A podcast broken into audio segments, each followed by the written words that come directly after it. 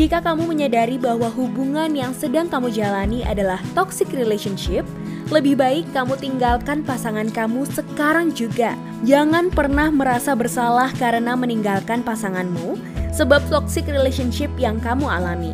Squad Health kali ini juga akan membantu kamu dalam mengatasi trauma akibat toxic relationship yang menimpa kamu. Setelah keluar dari toxic relationship dan meninggalkan pasangan kamu sebelumnya, sangat wajar jika kamu masih mengingat kenangan-kenangan indah bersama pasangan kamu. Tapi cobalah untuk melupakan semua hal buruk yang ia pernah lakukan pada diri kamu. Dan jangan sampai kamu merasa bersalah atau menyesal karena telah meninggalkannya. Memang, terkadang kita jadi menyalahkan diri sendiri karena hal itu merupakan cara yang sering kita gunakan untuk menutupi luka batin.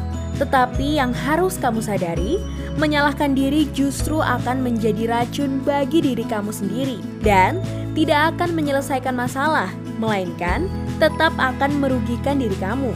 Terlepas dari kata-kata atau perilaku romantis atau chemistry kuat di antara kalian, pasangan kamu juga telah membuat diri kamu merasa putus asa dan mengalami trauma emosional. Squad Health memiliki beberapa langkah yang dapat kamu lakukan dalam proses penyembuhan luka diri akibat toxic relationship. Beberapa ini yang dapat kamu lakukan adalah menjalin pertemanan dengan orang-orang yang suportif. Setelah meninggalkan toxic relationship, Tentunya beberapa waktu kamu akan menemukan diri kamu merasa kesepian akibat pasangan yang biasanya berada di sisi kamu sudah tidak ada. Untuk mengatasi rasa jenuh dan kesepian itu, cobalah mencari orang-orang di sekitarmu yang dapat menjadi teman untuk memberi dukungan positif pada dirimu.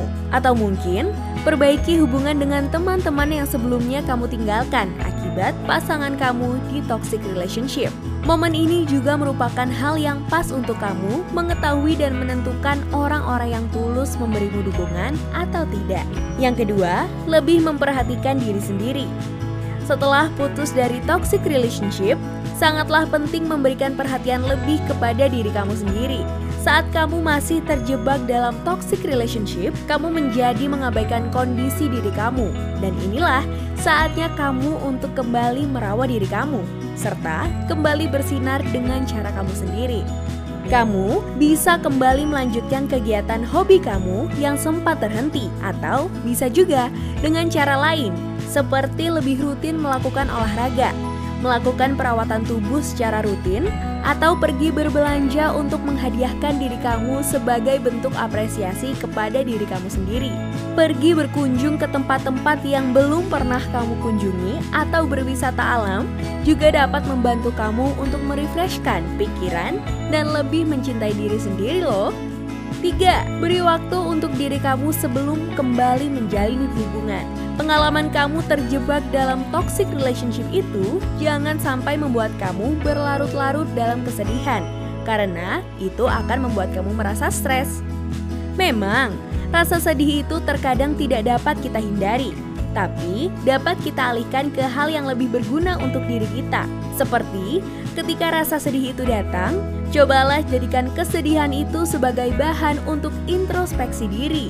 Kamu dapat memikirkan hal-hal apa yang harus kamu perhatikan ketika menjalin hubungan selanjutnya. Apa yang menyebabkan kamu merasa tersiksa saat terjebak dalam toxic relationship? Apa yang sekiranya dapat dilakukan sebagai langkah pencegahan toxic relationship dan sebagainya? Perlu diingat juga, usahakanlah ketika kamu menjalin hubungan dengan orang lain kondisi dan pikiran kamu sudah lebih baik dari sebelumnya dengan tanpa perasaan bersalah karena luka akibat toxic relationship. Oke? Okay? Jangan takut untuk cerita kepada teman. Berbagi perasaan dengan cara menceritakan pengalaman kamu kepada teman yang kamu percaya tidak salah. Karena dengan cara itu, kamu akan terbantu dalam menyembuhkan luka akibat toxic relationship. Dengan kamu bercerita kepada temanmu, dia juga akan tahu apa yang sedang kamu alami dan bagaimana kondisi perasaan kamu. Hal itu tentunya akan membuat dia ikut merasakan apa yang sedang kamu rasakan, sehingga kamu merasa diri kamu tidak sedang sendirian. Teman kamu juga dapat menolong kamu dengan memberi saran yang mungkin dapat kamu ambil pelajarannya serta ia juga dapat menemani kamu saat kamu merasa butuh teman. karena dia sudah mengetahui bagaimana kondisi kamu. 5. Menemui profesional yang dapat membantu kamu. Jika kamu merasa perasaan bersalah, kesedihan, serta stres kamu terlalu berlarut-larut dan sangat mengganggumu dalam melakukan kegiatan sehari-hari, lebih baik cobalah kamu mendatangi profesional yang paham akan kesehatan mental. Dan ketika kamu menemuinya, jangan sampai ragu dan sungkan untuk menceritakan apa yang sudah kamu alami dan apa yang sedang kamu rasakan. Karena dari situlah profesional itu akan dapat membantu kamu dalam menyembuhkan luka akibat toxic relationship yang telah kamu alami. Itu dia beberapa langkah yang dapat dilakukan untuk menyembuhkan luka diri akibat toxic relationship.